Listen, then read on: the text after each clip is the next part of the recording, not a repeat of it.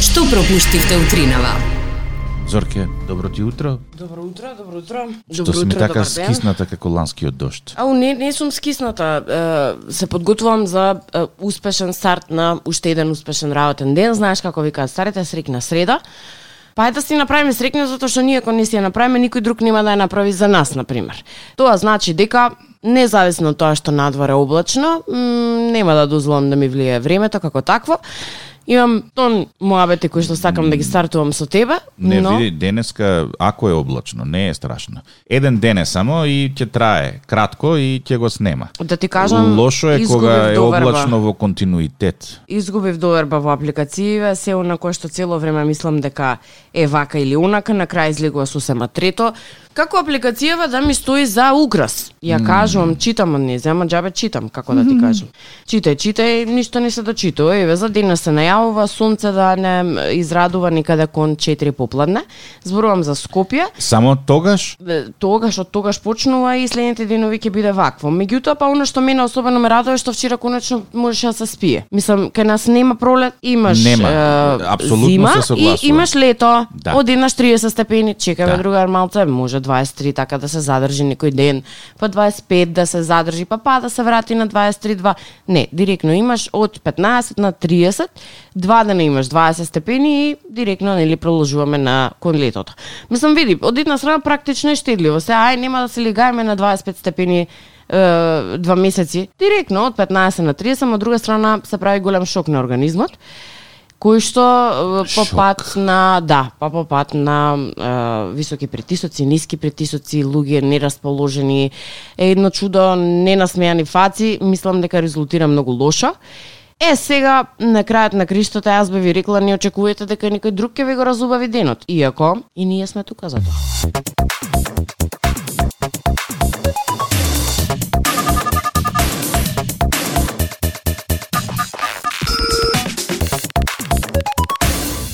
На Facebook, а бога ми и на Instagram, сега во моментов а, ви поставувам една анкета со чија што помош мислам дека ќе го зачиниме денешното издание.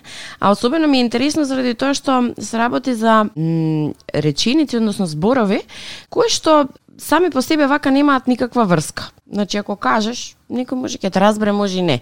Меѓутоа, и така како се прифатени кај нас и, и така како ги користиме, а бога ми и знаеме и што значат и како кецна десетка се појавуваат, еве ти кецна десетка. Како кецна десетка се појавуваат во а, секојдневниот жаргон, да речем, во разговорниот, во слободен стил, а истите се многу симпатични. Да речеме, еве ќе почнам. Цакум пакум, што значи цакум пакум? средено. Закум, Се пакум. на свое место. Да, тоа потекнува од германскиот бој збор закум, Аха. кој што значи се и пакум, кој што значи пакувам. Значи се Браво пакувам, бре, се леле, кријам. за Закум свет- пакум. За свете бива. А, или друг исто така многу интересен е отом потом. Отом потом се мисли како за тоа ќе зборуваме подоцна. О, том, за тоа потоа, да. Да, да, топтан. Се, тоа е турски збор. Да, го Што си имаме, гледал, и- го топтан? имаме во, во е, текстот на една песна. Оптан, топтан, Топтан, кисело млеко. Да. Тоа значи треба се да изедеш вклучувајќи го и киселото млеко. Значи се Ја што е Па знам принесено сите на маса. дека е тоа. Не, топтан се или сите. Еј, ќе дојдеме сите топтан. Сите, па да, држи вода. И, и така може да биде. Или, е, како го рече на ти твоето омиленото? Цврц? Црц Милојко? Да, зошто Милојко? Па Милојко е вајда некое традиционално име од што знам пред 100-200 години и си останало Милојко. Мислам зошто е сега како беше она машкото име на интернет што се појавува сите на М, Максимилијан, Да. Маркијан, Марки Максимилијан, мислам дека. Е, тогаш Милојко било у мода. Сега да биде цврц Максимилијан да го смениме. Аха, не, многу е долго. Цврц Цврц Милојко некако. Милојко нека а, а остане. што значи? Што значи? Нема ништо, не ти давам. Аха, ништо нема да добија. Нема, јок. Јок, аха. Кои се а, вашите најомилени да речам, а, секојдневни, не знам овие како како се нарекуваат. Е, е, Узречици не се. Изреки. Изреки не се, па па не се изреки, изреки се она, нели, е, како беше Старински. Изреки ти фрази. се кога човек пие вода низ мија него каса, тие се изреки би рекла, а овие се некои додавки кои што се позајмени, знајмени, украдени од ваму од таму и се доста популарни кај нас и се доста користени луѓето и така како сакаат да си ги користат во слободен стил во секојдневен речник. Се нормално ова во некој официјален мејл нема да го сретнеш. Јас би сакал топтан сите да ве видам на состанокот. Веројатно не, ама не е дека и никогаш не се случило. 079-274-037 телефонскиот број е отворен за твоите коментари. Чекаме да се јавиш кои се тие узречици кои што секојдневно ги користиш во македонскиот јазик. Сите ќе те разберат што значат, а буквален превод е малку тешко да им најдеш. Најдеш, да. Добро утро.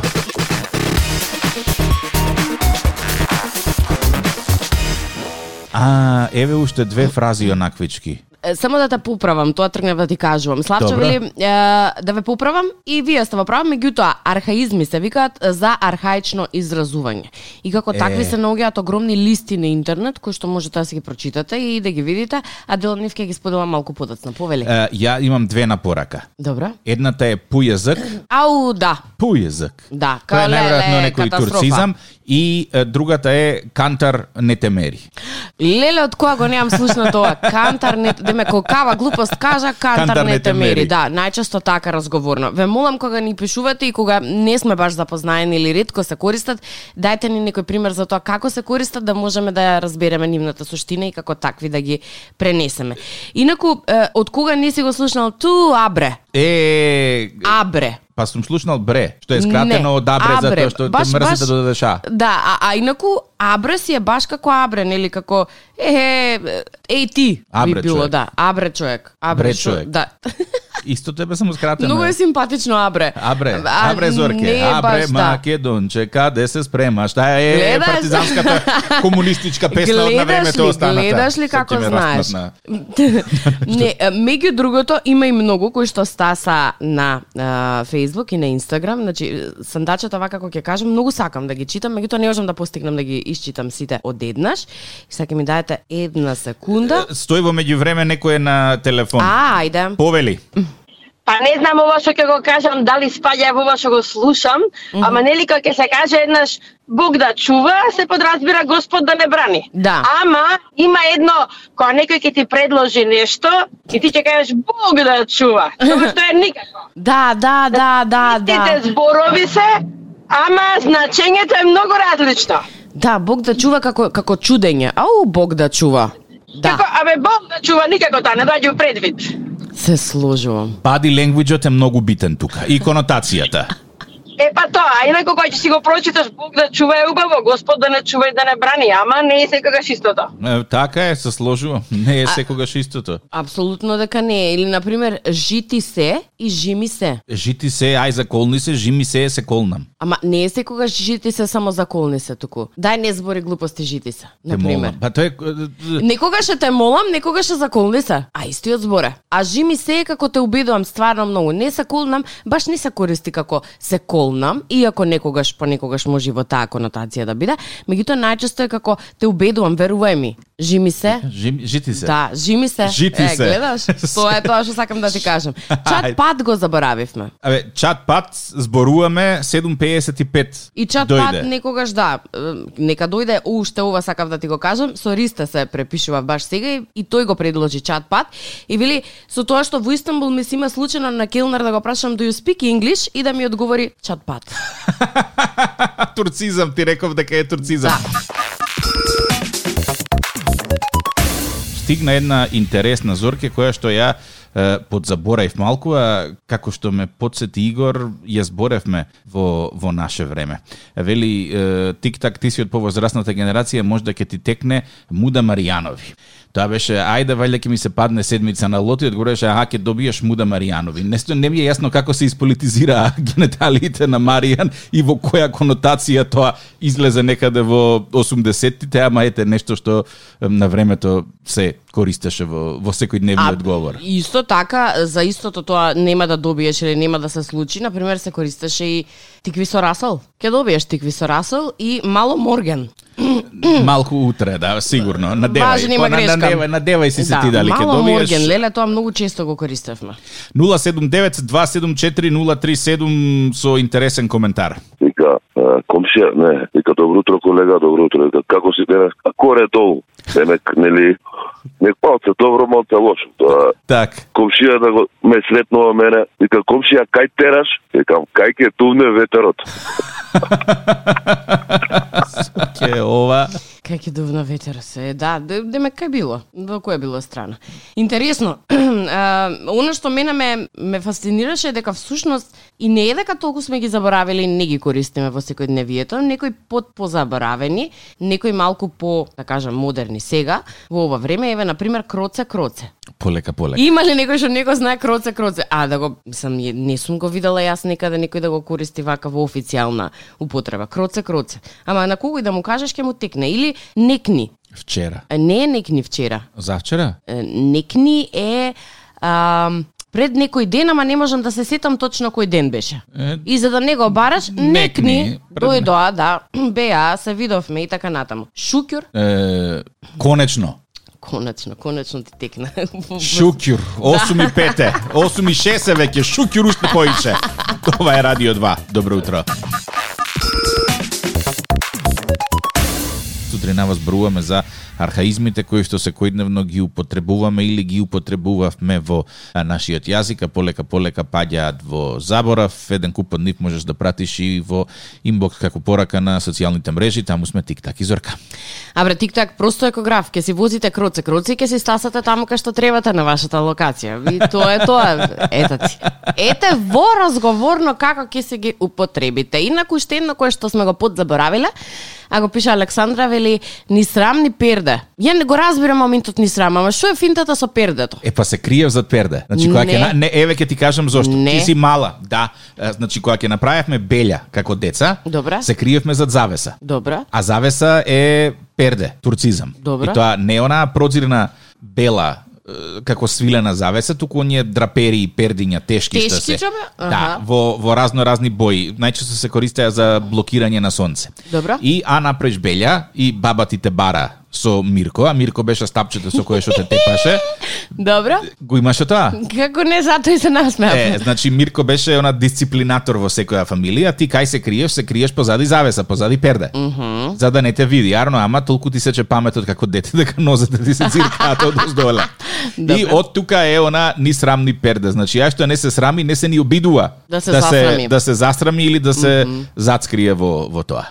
Исто една многу интересна која Е, што никогаш Мирко. не ја разбрав Мирко. Е, има ли некој што немал Мирко? Мислам има, ама в- порано многу често беше и многу беше популарен. И зошто секогаш беше Мирко, демек Мирко не Мир во Мирко. куќа.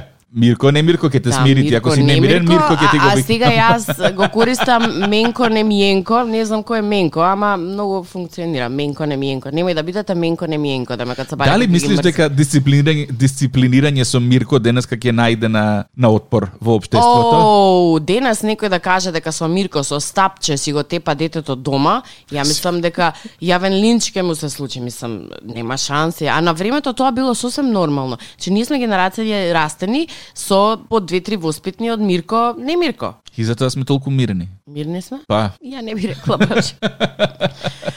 Како и да е, е, до кое дереđе дојде работава? Еве ти уште еден е, збор кој што често се користи, дереđе. Многу ми е интересен дека е дереđе.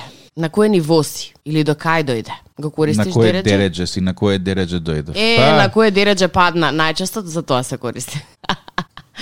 Е, што ќе јадеме лепи заби? Зошто се лепи Зошто, заби? а затоа што а, а, а, си ги удирав забите кога го јадеш лебот. Па, м, добро. А, усфат, е, усвит да фатиш. Каде е тоа усвит никогаш не разбрав. Усвит е далеку и мислам дека еднаш во една дискусија со еден пријател турчин mm -hmm. ми даде точна дефиниција што е усвит. Усвит. Тоа е... е, ц- ц- ц- ц- ц- ц- ц- ц- ц- Не ми текнува сега. Добро, ама некаде е, така некој простор е. Да, усвит е простор. Значи, усвит, ама најчесто кај нас се користи као не знам кај ќе фатам, некаде да фатам далеко, Даде далеко, далеку. преку седум Да, мориња и да, пред да, седум да, ридови. да. Добро, ама тоа кога ќе го правиш да одиш ланцам, ланцам. Полека, полека, да не се умориш многу. Ето така и да си поминеш по патот на Танане. Така, да си одиш. Лабаво. На Танане, да, да. А, филјан човек. Еснав човек. А и јеснав сега да го преведам. Домакин човек. Домакин човек. Аха. Економист, што би рекол Георги Колозов. Би, би, економ... Така беше. Може ли е, е, Филјан човек како како угледна фамилија, фино? Филјан фамилија. Има, да, има, мислам дека во Охрид пре- фамилија што се презива Филјан. Сериозно? Мислам, не сум Многу сигурен. интересно. Филјан фамилија, а, ние ќе се Овие се прозиваме Филјан луѓе. Филјан си се најне Да. И Филјан. вика. Нешто што мене многу ми се допаѓа и никогаш не го разбрав усул. Кога ќе излезете да пиете со усул, кој е тој усул, не го најдовме, Да не не го видовме. претерувате. Да не претеруваме. А и не само за пиење, и за јадење со усул да јадеш. Со усул, мене најчесто така ми викаат. Сакаш досле со усул ќе јадеш, е па са со усул ја не го најдов и затоа без усул јадам. не го запознав никога.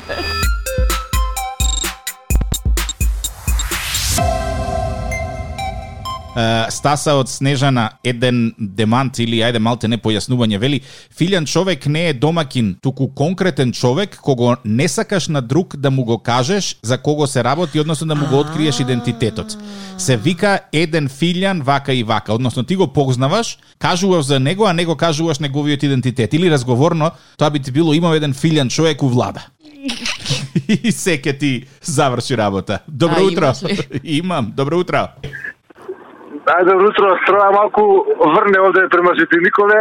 А се ти ке, ако дојде оваа денеска примерка, веќе биде шием ти ке джуро работа.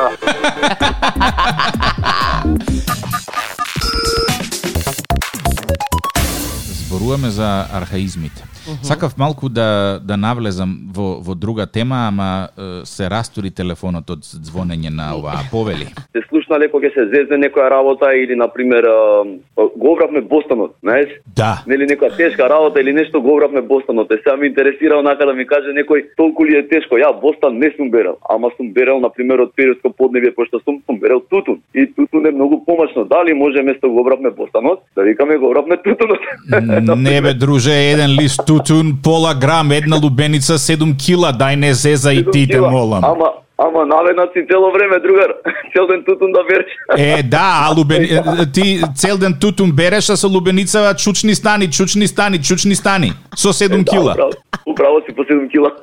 Па, Право сум нормално, тешко е тоа. Да, зошто го користиме го обравме бостанот? А, а, го Затоа што е обравме тешка Бостанот. работа, Зорке. Да береш бостане е многу тешко. Не знам, може би има некој кој што берел Бостон, па ќе ни го подобјаснива така по сликовито да речеме.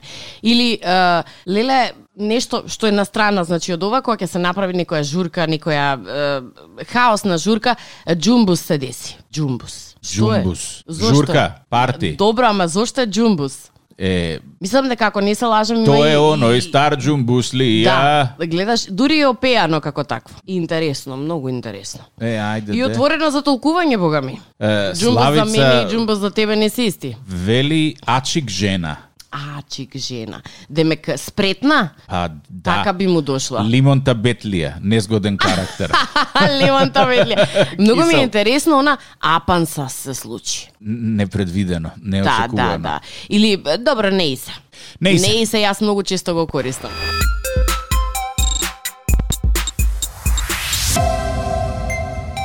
Ало. Па вие, вие луѓе, вие сте ненормални. А сакам да ве потфалам. Какви сме? Ненормални, значи, викаме ненормални, а ве фалам. Аха, а као ненормално добро. Да, вие сте ненормални луѓе.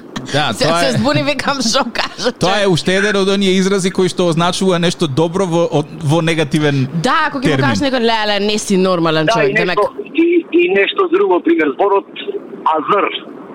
Азр. Азр, да, шкипски збор, значи спремен. Не сум го чул Замислете тој. во... Да, замислете во војска, да, тоа е тоа. И ја не сум од Штипа, но го знам зборот. Во војска, капетанот од Охрид, а, вој, а десетарот, пример, од Штип. Аха. и му дава рапорт и вика господине капетан господине капетане вика топот е азр значи топот е спремен и овој вика што е бе топот е Тик-так и зорка, радио Бар.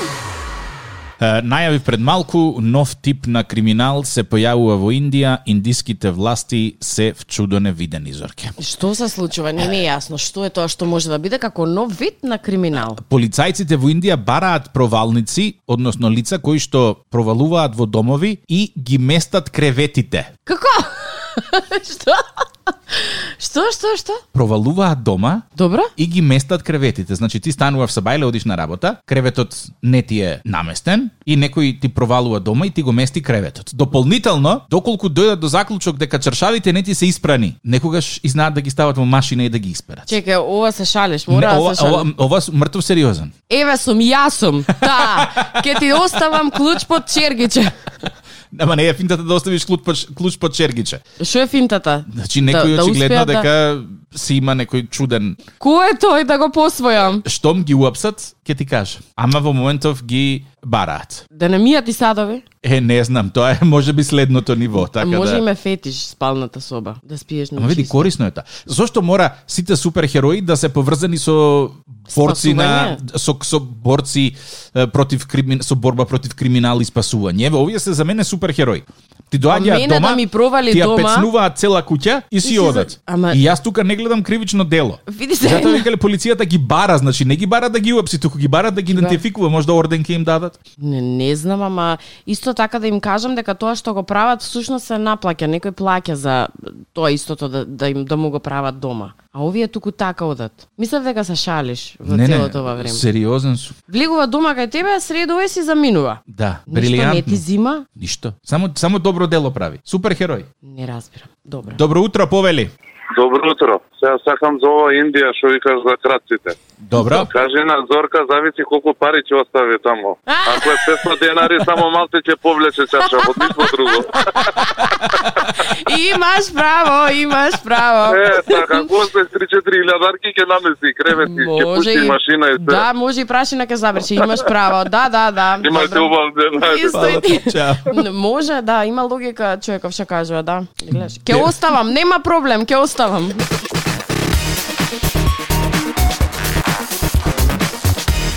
А сега Време е за безкорисни факти. Фала ти, Марија. А, бескорисни факти денеска неколку.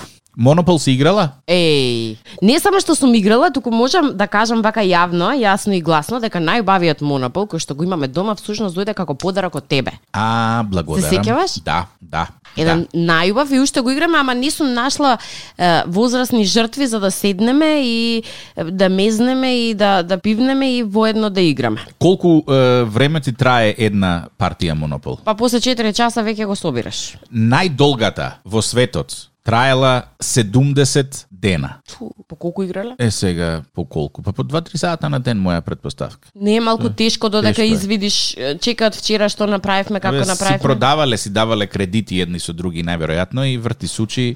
Тоа е тоа. Што друга ми дојде, добра? добра? Е, 50% од сите е, плячки на банки се случуваат во петок. Зошто? Е, според една теорија, затоа што во петок има најмногу пари во банката, затоа што депозитите од цела недела се празнат во, во петок, па зошто да земеш од касичка кога е полупразна, кога можеш да земеш од касичка кога е скроз полна. Интересно. Па да, може би. Исто така, кај нас најголемиот број на кражби се случуваат околу 15 во месецот. Зошто? Затоа што Тука тогаш не земаш треба плата. одговор. Така. не треба одговор на тоа, разбрав. А, носењето на брада има здравствени бенефиции Е, од како човековиот не? организам. Пази, Ајде, молим те, јас ајде. мислев дека не е точно, ама еве експертите велат така е. Превенира алергии, превенира рак на кожа и штити од сонце. Прашање број 2. Дали ова го пишувал маж кој што е, може би го мрзало да се избричи и прашање број 1 кое што е уште поважно, дали исто ова значи и за жените? Брада на жени. Па не значи- брада. Разноразни други места кои што се Па, пошумени на, во обичај. најверојатно, да, да. Мислам, види, цело време зборуваме за, за важноста на пошумувањето, за спречување на ерозија. Добра? Знаеш дека пошумување е битно за Ма спречување како на ерозија не е и битно, клизишта. да, па се затоа раз- што автопатот Свети Николе не е пошумен, затоа има одрони. Аха. Таму каде што е пошумено не може да се рони. Хоп, хоп, не дај Боже, ќе паднеш, и да. не може да се да се сече шумата цело време. Не, Ме ја разбирам клизаво и ќе ќе паднеш. Ете вака, така, да, Ако лизга е под. пошумено додека најдеш едно, да, да разбирам, во ред, така е. А, глувците може да живеат повеќе време без вода отколку што камилите можат. Добро. А камилите долго време може да живеат Значи без ова е вода. уште подолго, добра. Да. И И последното за денеска, е, постои човек кој што кивнал толку јако што си го скршил реброто. Нема шанси. Да. Колку јако треба да кивнеш за да си го... И, и од кај му дошло? Шо некој го го лицнал? С, си кивала некогаш од алергија? Не, немам алергија. Е, тоа е за како некој да ти стави перце од некоја птица во нос и онака нежно да те, да те колицка внатре. Добро го замисли. Го буквално, замисли, да. е, тоа мислам дека така ако кивнеш ќе видиш. Е, Веројатно до крајот на емисијата ќе зборувам со затоа тос. Крај на емисијата е сега. На Радио 2, секој работен ден од 7.30. Будење со Тик-так и Зорка. Во случај на неконтролирано смеење и симптоми на позитивно расположение, консултирайте се со вашиот лекар или фармацевт.